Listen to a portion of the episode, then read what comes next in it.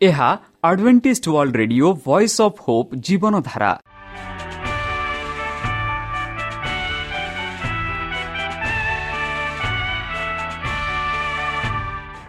Odia radio କାର୍ଯ୍ୟକ୍ରମ ଯାହା ଆମର ଆନ୍ତର୍ଜାତୀୟ ଆଘାତ କେନ୍ଦ୍ରରୁ ପ୍ରସାରଣ କରାଯାଉଛି ପ୍ରତିଦିନ ରାତି ନଅଟା ତିରିଶ ମିନିଟ୍ରେ। ମୁଁ ସୁବ୍ରତ କୁମାର ପତି ପ୍ରେମର ସହ ଆପଣମାନଙ୍କୁ ଏହି କାର୍ଯ୍ୟକ୍ରମକୁ ସ୍ୱାଗତ କରୁଅଛି। ଚାଲନ୍ତୁ ଆଜିର ତିରିଶ ମିନିଟ୍ର କାର୍ଯ୍ୟକ୍ରମ ବିଷୟରେ ଜାଣିନେବା। ପ୍ରଥମେ ରଖିଛୁ ଆଧ୍ୟାତ୍ମିକ ଭକ୍ତିମୟ ଗୀତ। ଭକ୍ତଙ୍କଠାରୁ ଜୀବନଦାୟକ ଈଶ୍ୱରଙ୍କ ବାକ୍ୟ। ପ୍ରିୟ ଶ୍ରୋତା ତାହେଲେ ଚାଲନ୍ତୁ ଶୁଣିବା ଏକ ଆଧ୍ୟାତ୍ମିକ ଭକ୍ତିମୟ ଗୀତ। ସଦା ପ୍ରଭୁ ସଦା ପ୍ରଭୁ कः तुमु भयकरीबी कः तुमु भयकरीबी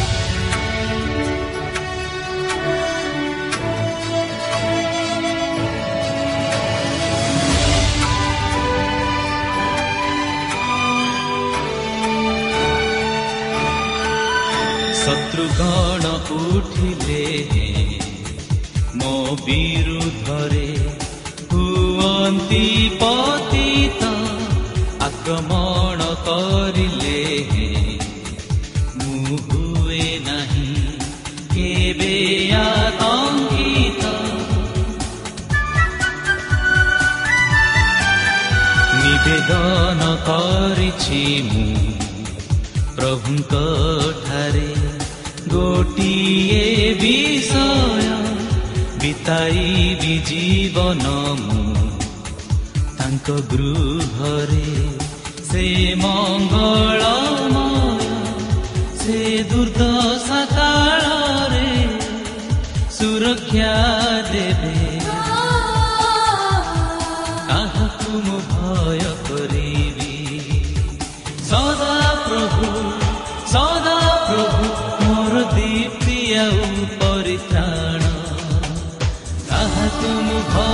କରିବି କାହାକୁ ମୁଁ ଭୟ କରିବି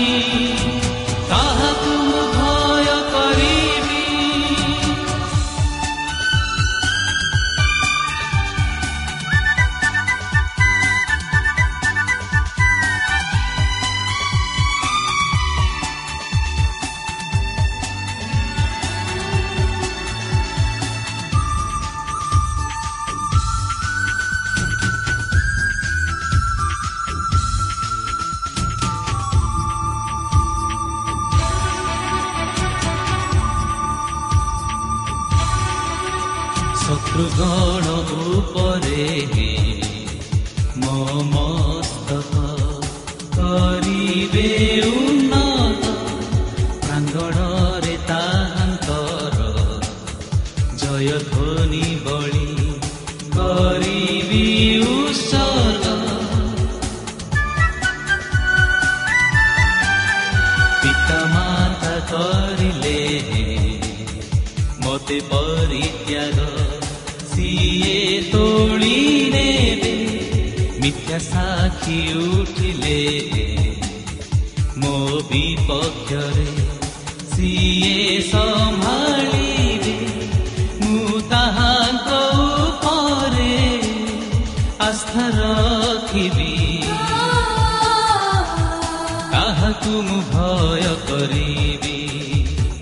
ସଦା ପ୍ରଭୁ ସଦା ପ୍ରଭୁ ମୋର ଦୀପ୍ତି ଆଉ ପରିତ୍ରାଣ କାହାକୁ ମୁଁ ଭୟ କରିବି କାହାକୁ ମୁଁ ଭୟ କରିବି କାହାକୁ ମୁଁ ଭୟ କରିବି ଆମ ଠିକଣା Adventist Media Centre SDA mission compound Salisbury Park Pune ଚାରି ଏକ ଏକ ଶୂନ ତିନି ସାତ ମହାରାଷ୍ଟ୍ର। ବା ଖୋଲନ୍ତୁ ଆମର ୱେବସାଇଟ୍ ଯେକୌଣସି Android phone smartphone desktop laptop କିମ୍ବା ଟ୍ୟାବ୍ଲେଟ୍ ଆମର website W W W dot A W R dot O R G slash O R I ଏବଂ W W W dot Adventist Media Center India dot O R G Adventist Media Center ଇଣ୍ଡିଆର spelling ହେଉଛି A D V E N T I S T M E D I A C E N T R E I N D I A ବର୍ତ୍ତମାନ ଚାଲନ୍ତୁ ଶୁଣିବା ଈଶ୍ୱରଙ୍କ ଭକ୍ତଙ୍କଠାରୁ ଈଶ୍ୱରଙ୍କ ଜୀବନଦାୟକ ବାକ୍ୟ ମନୁଷ୍ୟର ପ୍ରକୃତି ଭାଗ ଦୁଇ ନମସ୍କାର ପ୍ରିୟ ଶ୍ରୋତା ସେହି ସର୍ବଶକ୍ତି ସର୍ବଜ୍ଞାନୀ ପ୍ରେମର ସାଗର ଦୟାମୟ ଅନ୍ତର୍ଜମୀ ଅନୁଗ୍ରହ ପରମ ପିତାଙ୍କ ମଧୁର ନାମରେ ମୁଁ ପାଷ୍ଟ ପୂର୍ଣ୍ଣଚନ୍ଦ୍ର ଆଉ ଥରେ ଆପଣମାନଙ୍କୁ ଏହି କାର୍ଯ୍ୟକ୍ରମରେ ସ୍ୱାଗତ କରୁଅଛି। ସେହି ସର୍ବଶକ୍ତି ପରମେଶ୍ୱର ଆପଣମାନଙ୍କୁ ଆଶୀର୍ବାଦ କରନ୍ତୁ। ଆପଣଙ୍କୁ ସମସ୍ତ ପ୍ରକାର ଦୁଃଖ କଷ୍ଟ ବାଧା କ୍ଲେଶ ଓ ରୋଗରୁ ଦୂରେଇ ରଖନ୍ତୁ। ଶତ୍ରୁ ସୟତାନ ହସ୍ତରୁ ସେ ଆପଣଙ୍କୁ ସୁରକ୍ଷାରେ ରଖନ୍ତୁ। ତାହାଙ୍କ ପ୍ରେମ ତାହାଙ୍କ ସ୍ନେହ ତାହାଙ୍କ କୃପା ତାହାଙ୍କ ଅନୁଗ୍ରହ ସଦାସର୍ବଦା ଆପଣଙ୍କଠାରେ ସହବର୍ତ୍ତୀ ରହୁ। ପ୍ରିୟସତା ଚାଲନ୍ତୁ ଆଜି ଆମ୍ଭେମାନେ କିଛି ସମୟ ପବିତ୍ର ଶାସ୍ତ୍ର ବାଇବଲଠୁ ତାହାଙ୍କ ଜୀବନଦାୟକ ବାକ୍ୟ ଧ୍ୟାନ କରିବା। ଆଜିର ଆଲୋଚନା ହେଉଛି ମନୁଷ୍ୟର ପ୍ରକୃତି ଭାଗ ଦୁଇ। ଭାଗ ଏକ ଗତକାଲି ଆମେ ଆଲୋଚନା କରିସାରିଛେ। ଚାଲନ୍ତୁ ଆଜି ବିଶେଷ ଭାବରେ ଆମେ ଦେଖିବା ପ୍ରଭୁଙ୍କ ଆଗମନ ବିଷୟରେ ଆମେ କିପରି ନିଜକୁ ପ୍ରସ୍ତୁତରେ ରଖିଥିବା। ଯେପରିକି ପ୍ରଥମ କରନ୍ତି ପନ୍ଦର ଏକାବନ ଠୁ ଚଉବନରେ ଆମେ ଦେଖୁଅଛୁ ସାଧୁ ପାଉଲ ଲେଖନ୍ତି ଏହିପରି ଦେଖ ମୁଁ ତୁମମାନଙ୍କୁ ଗୋଟିଏ ନିଗୁଡ଼ କଥା କହୁଅଛି। ପାଉଲ କହନ୍ତି ମୁଁ ତୁମମାନଙ୍କୁ ଏକ ନିଗୁଡ଼ କଥା କହୁଅଛି। ସେଇ ନିଗୁଡ଼ କଥା ହେଉଛି କି ଆମ୍ଭେମାନେ ସମସ୍ତେ ମହାନିଦ୍ରା ପ୍ରାପ୍ତ ହେବା ନାହିଁ। ମହାନିଦ୍ରା ପ୍ରାପ୍ତ ହେବା ନାହିଁ। ମାନେ ଯେଉଁ ମହାନିଦ୍ରା ବିଷୟରେ ଆମେ କହୁଅଛୁ ସେହି ମହାନିଦ୍ରା ହେଉଛି ସଦାସର୍ବଦା ମରଣ। ଆମେ ସଦାସର୍ବଦା ମରିବୁ ନାହିଁ। ମାତ୍ର ବର୍ତ୍ତମାନ ଯଦି ଆମେ ମରଣ ହୋଇଅଛେ ମରିଯାଇଛୁ ବା ଆମର ଯେତେ ଲୋକ ପରମେଶ୍ୱରଙ୍କ ଠାରେ ବିଶ୍ୱାସ କରି ମରଣ ହୋଇଛନ୍ତି ସେମାନେ ମହାନିଦ୍ରାରେ ନାହାନ୍ତି ବରଂ ସେମାନେ ନିଦ୍ରାରେ ଅଛନ୍ତି। କାହିଁକି? ଆମେ ତାପରେ ଦେଖୁ କିନ୍ତୁ ଏକ ମୁହୂର୍ତ୍ତରେ ଏକ ମୁହୂର୍ତ୍ତରେ ଚକ୍ଷୁର ପଲକରେ ଶେଷ ତୁରି ଧ୍ୱନିରେ ଆମମାନେ ସମସ୍ତେ ପରିବର୍ତ୍ତିତ ହେବା। ଏକ ପଲକ ଏକ ପଲକ ଏକ ଚକ୍ଷୁର ପଲକରେ ଆମେ ସମସ୍ତେ ତାଙ୍କ ତୁରି ଧ୍ୱନିରେ ସମସ୍ତେ ପରିବର୍ତ୍ତିତ ହେବା ବୋଲି ସାଧୁ ପାଲ ପବିତ୍ର ଶାସ୍ତ୍ର ବାଇବଲ ଦ୍ୱାରା ଆମମାନଙ୍କୁ କହୁଅଛନ୍ତି। କାରଣ ତୁରି ବାଜିବ ଆଉ ମୃତ୍ୟୁମାନେ ଅକ୍ଷୟ ହୋଇ ଉଦିତ ହେବେ। ପୁଣି ଆମ୍ଭେମାନେ ପରିବର୍ତ୍ତିତ ହେବା। କାରଣ ଏହି କ୍ଷୟ ଶରୀରକୁ ଅକ୍ଷୟତା ରୂପ ବସ୍ତ୍ର ପରିଧାନ କରିବାକୁ ହେବ। ଆଉ ଏହି ମୂର୍ତ୍ୟ ଶରୀରକୁ ଆମର ତାପରୁ ବସ୍ତ୍ର ପରିଧାନ କରିବାକୁ ହେବ। କିନ୍ତୁ କ୍ଷୟ ଶରୀର ଅକ୍ଷୟ ରୂପର ବସ୍ତ୍ର ଓ ଏହି ମତ୍ୟ ଶରୀର ଅମରତା ରୂପ ବସ୍ତ୍ର ପରିଧାନ କଲା ଅବତାରେ ଏହି ଲିଖିତ ବାକ୍ୟ ସଫଳ ହେବ। ବନ୍ଧୁ ସାଧୁ ପାଉଲ ଆମମାନଙ୍କୁ କହିବାକୁ ଚାହୁଁଛନ୍ତି ଯେ ଯେବେ ଯୀଶୁଖ୍ରୀଷ୍ଟ ଆସିବେ ସେତେବେଳେ ତାଙ୍କ ଦୂତମାନେ ତୁରି ବଜାଇବେ। ଆଉ ଯେବେ ତାଙ୍କ ଦୂତମାନେ ତୁରି ବଜାଇବେ ଯେତେ ଲୋକ ଯୀଶୁଖ୍ରୀଷ୍ଟଙ୍କଠାରେ ବିଶ୍ୱାସ କରି ମରଣ ହୋଇଛନ୍ତି ସେହି ତୁରିର ଶବ୍ଦ ଶୁଣି ସେମାନେ ପୁନରୁତ୍ଥିତ ହେବେ ବା ଉଠିବେ ସେହି କବରରୁ। ଆଉ ଯେବେ ସେମାନେ ଉଠିବେ ଆଉ ଯେତେ ଲୋକ ବଞ୍ଚି ଅଛନ୍ତି ସେହି ସମୟରେ ଯେବେ ଯୀଶୁ ପ୍ରଭୁ ଆସିବେ ସମସ୍ତେ ପରିବର୍ତ୍ତିତ ହେବେ। ଆଉ ଯେବେ ସମସ୍ତେ ପରିବର୍ତ୍ତିତ ହେବେ କିପରି? ଏହିପରି ପରିବର୍ତ୍ତିତ ହେବେ। ଏହି ସମୟ ଶରୀରକୁ କାରଣ ଏହି କ୍ଷୟ ଶରୀର ଅକ୍ଷୟତା ରୂପ ବସ୍ତ୍ର ପରିଧାନ କରାଇବାକୁ ହେବ। ଯୋଉଟା ଆମେ ଇଂରାଜୀରେ କହୁଛୁ ମର୍ଟାଲ ଇମର୍ଟାଲ କ୍ଷୟ ଅକ୍ଷୟ। ଏଇ ଯେଉଁ କ୍ଷୟ ଶରୀର ଆମମାନଙ୍କର ଅକ୍ଷୟତା ରୂପେ ବସ୍ତ୍ର ପରିଧାନ କରିବ। ଏକ ଆଉ ଏହି ମର୍ତ୍ତ ଶରୀର ଅମରତା ରୂପ ବସ୍ତ୍ର ପରିଧାନ କରିବ। ବର୍ତ୍ତମାନ ଯେଉଁ ଶରୀର ଅଛି ଆମର ଏ ମରଣ ଶରୀର ମାତ୍ର ଏହି ଶରୀର ସେତେବେଳେ ଅମର ହୋଇଯିବ। ଅମର ତା ରୂପର ବସ୍ତ୍ର ପରିଧାନ କରିବ। କିନ୍ତୁ ଏହି କ୍ଷୟ ଶରୀର ଅକ୍ଷୟ ରୂପ ବସ୍ତ୍ର ଏହି ମହତ୍ଵ ଶରୀର ଅମରତା ରୂପ ବସ୍ତ୍ର ପରିଧାନ କଲା ଉତ୍ତାରେ ଆମେ ସମସ୍ତେ ପରମେଶ୍ୱରଙ୍କ ସହ ସେହି ସ୍ୱର୍ଗ ରାଜ୍ୟ ଯିବା। କେଡ଼େ ସୁନ୍ଦର ବାର୍ତ୍ତା। ତାହା ଆମେ ପାଉଅଛୁ କି ଯୀଶୁ ଖ୍ରୀଷ୍ଟ ବହୁ ଶୀଘ୍ର ଆସୁଅଛନ୍ତି। ଆପଣମାନେ ତାହାଙ୍କ ଆଗମନ ପାଇଁ ଅପେକ୍ଷା ଅପେକ୍ଷାରେ ଅଛନ୍ତି କି? ଯେହେତୁ ସାଧୁ ପାଲ କହନ୍ତି ଏହି ଲିଖିତ ବାକ୍ୟ ସେତେବେଳେ ସଫଳ ହେବ। ବନ୍ଧୁ ଆୟୁବ ଭବିଷ୍ୟତ ବକ୍ତା ଆୟୁବ ଯିଏକି ଆୟୁବଙ୍କ ଜୀବନରେ ଆପଣମାନେ ପଢ଼ିଥିବେ। ଆୟୁବ ବି କହନ୍ତି କି ମର୍ତ୍ତ ମଣିଷ କ'ଣ ପରମେଶ୍ୱରଙ୍କ ଅପେକ୍ଷା ଅଧିକ ଧାର୍ମିକ ହେବ?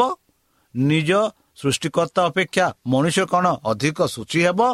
କେଡ଼େ ସୁନ୍ଦର ଭାବରେ ସେ ପ୍ରଶ୍ନ ପଚାରୁଛନ୍ତି। ମର୍ତ୍ତ୍ୟ ମତେ ମରୁଣ। ଯେଉଁ ମନୁଷ୍ୟ ମରିଯାଏ ମରଣଶୀଳ ମଣିଷ କ'ଣ? ପରମେଶ୍ୱରଙ୍କ ଅପେକ୍ଷା ଅଧିକ ଧାର୍ମିକ ହେବ? ବନ୍ଧୁ ଆମେ କେବେ ହେଲେ ପରମେଶ୍ୱରଙ୍କ ଠାରୁ ଧାର୍ମିକ ହୋଇପାରିବା ନାହିଁ। ମନେ ରଖନ୍ତୁ। ନିଜ ସୃଷ୍ଟିକର୍ତ୍ତା ଅପେକ୍ଷା ମନୁଷ୍ୟ କ'ଣ ଅଧିକ ସୂଚୀ ହୋଇପାରିବ? ଅଧିକ ଧାର୍ମିକ ହୋଇପାରିବ? ନା। ସେହିପରି ଆୟୁବ ନିଜକୁ ପ୍ରଶ୍ନ କରୁଛନ୍ତି। ରୋମିଓ ଛଅ ବାରରେ ପାଉଲ ଲେଖନ୍ତି ଅତ ହେବେ ପାପ ତୁମମାନଙ୍କ ମୃତ୍ୟୁ। ଶରୀରରେ ରାଜତ୍ୱ ନ କରୁ ତାହା କଲେ ତୁମମାନେ ସେଥିରୁ କୁ ଅଭିଳାଷ ଗୁଡ଼ାକର ବଶବର୍ତ୍ତୀ ହେବ। ସେ କହନ୍ତି ଆମ ଯେଉଁ ଶରୀର ଅଛି ବର୍ତ୍ତମାନ ସେହି ଶରୀର ଆମକୁ ରାଜତ୍ୱ ନ କରୁ। ଯଦି ତାହା ରାଜତ୍ୱ କରିବ ସେତେବେଳେ ଆମେ କୁ ଅଭିଳାଷ ଗୁଡ଼ାକରେ ବଶବର୍ତ୍ତୀ ହେବା। ସେ ସେଥିଯୋଗୁଁ ଆମେ ପରମେଶ୍ୱରଙ୍କ ପରମେଶ୍ୱରଙ୍କୁ ଆମ ଶରୀର ଦେବାର ଅଛି ଯେପରି ପରମେଶ୍ୱର ଆମ ଶରୀରକୁ ରାଜତ୍ୱ କରିବେ। ଆଉ ଯେବେ ପରମେଶ୍ୱର ତାହାଙ୍କ ପବିତ୍ର ଆତ୍ମା ଆମ ଶରୀରକୁ ରାଜତ୍ୱ କରିବେ ସେତେବେଳେ ଆମେ ଏକ ସୌନ୍ଦର୍ଯ୍ୟ ଜୀବନ ବାସ କରିପାରିବା।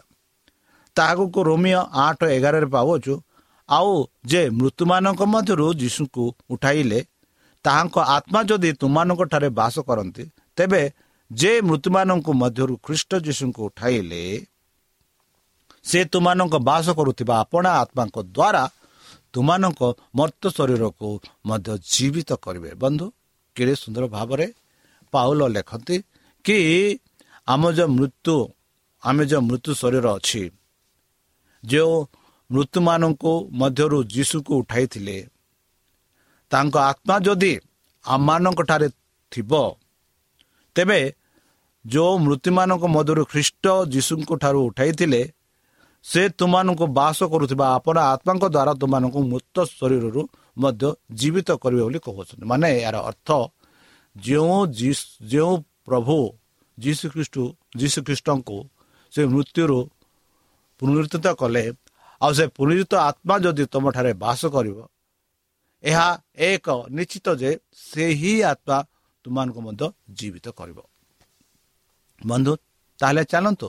ସେହି ଯୀଶୁଖ୍ରୀଷ୍ଟ ଯିଏକି ପୁନରୁତ ଯୀଶୁଖ୍ରୀଷ୍ଟ ବର୍ତ୍ତମାନ ସ୍ୱର୍ଗରେ ଅଛନ୍ତି ଯଦି ତାଙ୍କଠାରେ ଆମେ ବିଶ୍ୱାସ କରିବା ନିଶ୍ଚିତ ରୂପେ ଯେଉଁ ମୃତ୍ୟୁ ଆଡ଼କୁ ଆମେ ଯାତ୍ରା କରୁଛୁ ପ୍ରତି ସମୟରେ ପ୍ରତି ଘଣ୍ଟାରେ ପ୍ରତ୍ୟେକ ଦିନରେ ଯଦି ଆମେ ସେହି ଯୀଶୁଖ୍ରୀଷ୍ଟଙ୍କଠାରେ ବିଶ୍ୱାସ କରି ଏକ ଧାର୍ମିକ ଜୀବନ ତାଙ୍କ ବ୍ୟବସ୍ଥା ସବୁ ପାଳନ କରି ତାଙ୍କ ସମ୍ମୁଖରେ ନିଷ୍କଳଙ୍କ ରୂପେ ଯଦି ଥିବା ତାଙ୍କ କାର୍ଯ୍ୟ ଧର୍ମ ଆଚରଣ କରିବା ସେତେବେଳେ ଆମମାନେ ଯଦିଓବା ମରଣ ଭୋଗୁ ମରିଯାଉ ଯେହେତୁ ପରମେଶ୍ୱର ଜି ଉଠିଲେ ଆଉ ଯେହେତୁ ଆମେ ପରମେଶ୍ୱରଙ୍କ ଠାରେ ବିଶ୍ୱାସ କଲୁ ଆଉ ସେହି ବିଶ୍ୱାସ ଯୋଗୁଁ ଆମେ ପୁନରୁତ୍ଥିତ ହେବା। ଆଉ ଯେବେ ଯୀଶୁଖ୍ରୀଷ୍ଟ ଆସିବେ ସେତେବେଳେ ଆମମାନେ ସମସ୍ତେ ମିଶି ତାହାଙ୍କ ରାଜ୍ୟକୁ ଯିବା। ଜାକୁବ ଚାରି ଚଉଦ।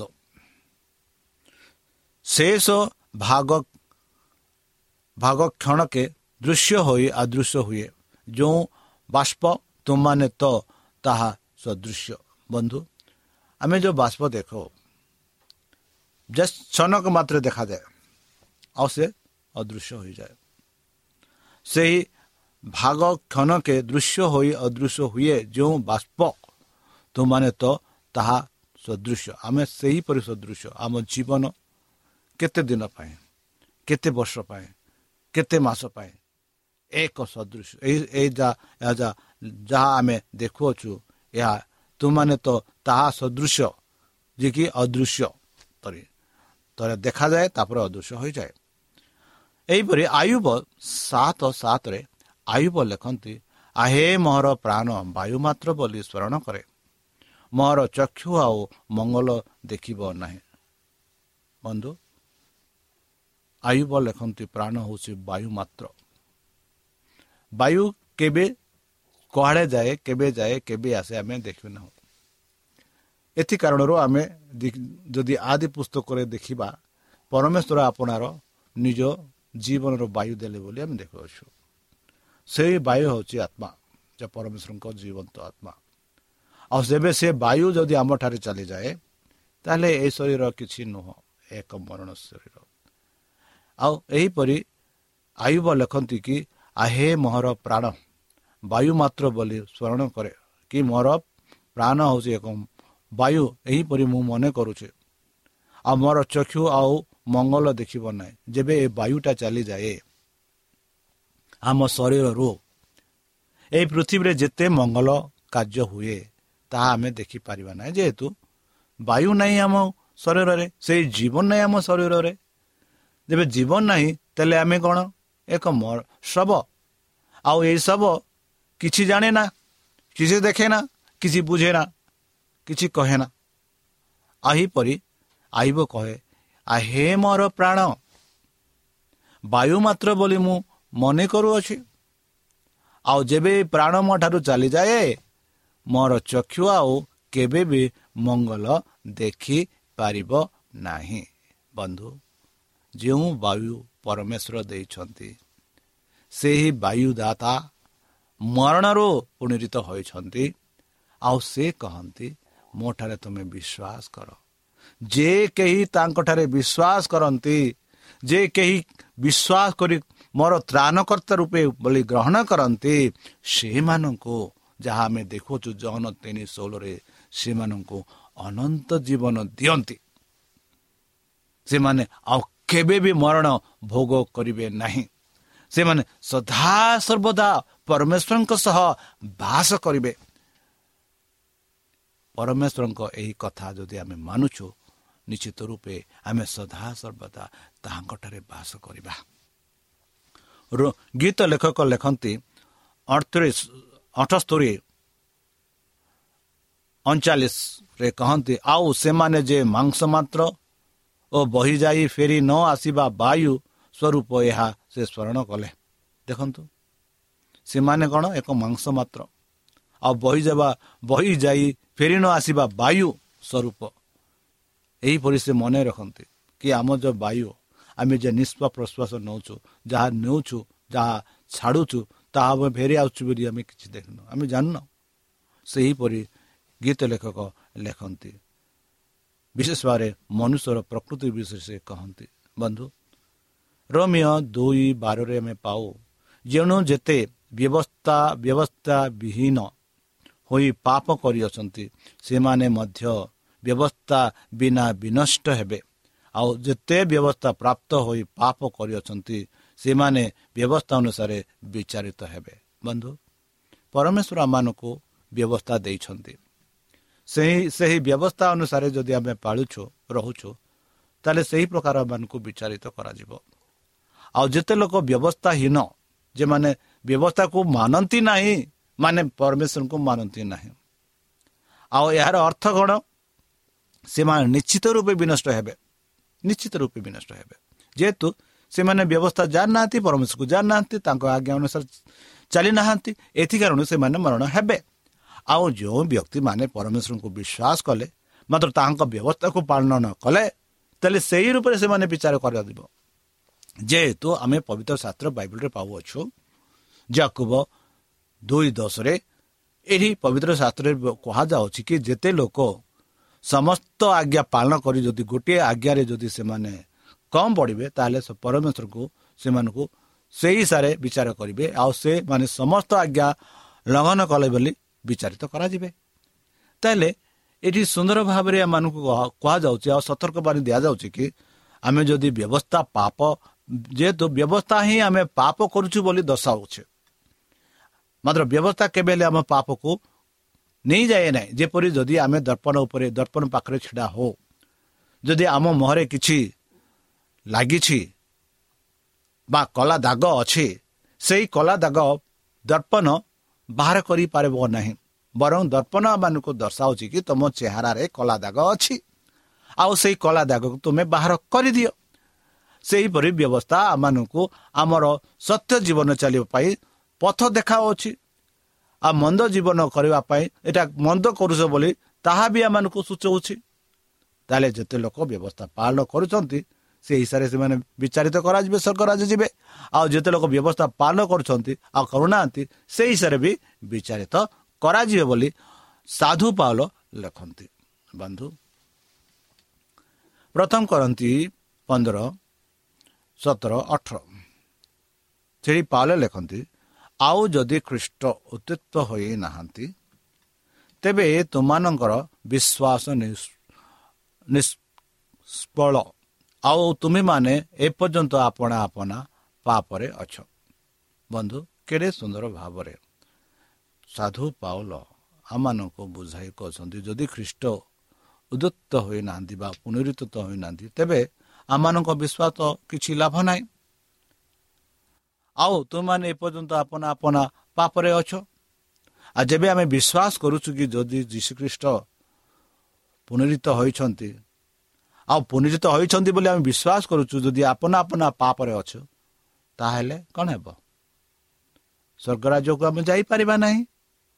ଯେହେତୁ ବିଶ୍ୱାସ ଆମେ ଜାଣିଛୁ କି ଯୀଶୁଖ୍ରୀଷ୍ଟ ପୁନରିତ ହୋଇଛନ୍ତି ଯୀଶୁଖ୍ରୀଷ୍ଟ ତାହାଙ୍କ ଆଜ୍ଞା ଦେଇଛନ୍ତି। ଆମେ ଜାଣିଛୁ ଆଉ ଯଦି ଜାଣି ଜାଣି ଯଦି ଆପଣ ନିଜେ ପାପ କରୁଛୁ ତାହେଲେ ସେ ପାପର ଫଳ ଆମେ ହିଁ ଭୋଗିବାକୁ ପଡ଼ିବ। ତାହେଲେ ଯେଉଁମାନେ ଖ୍ରୀଷ୍ଟିଆନ ଖ୍ରୀଷ୍ଟଙ୍କ ଠାରେ ମହାନିଦ୍ର ପ୍ରାପ୍ତ ହୋଇଛନ୍ତି ସେମାନେ ମଧ୍ୟ ବିନଷ୍ଟ ହୋଇଅଛନ୍ତି।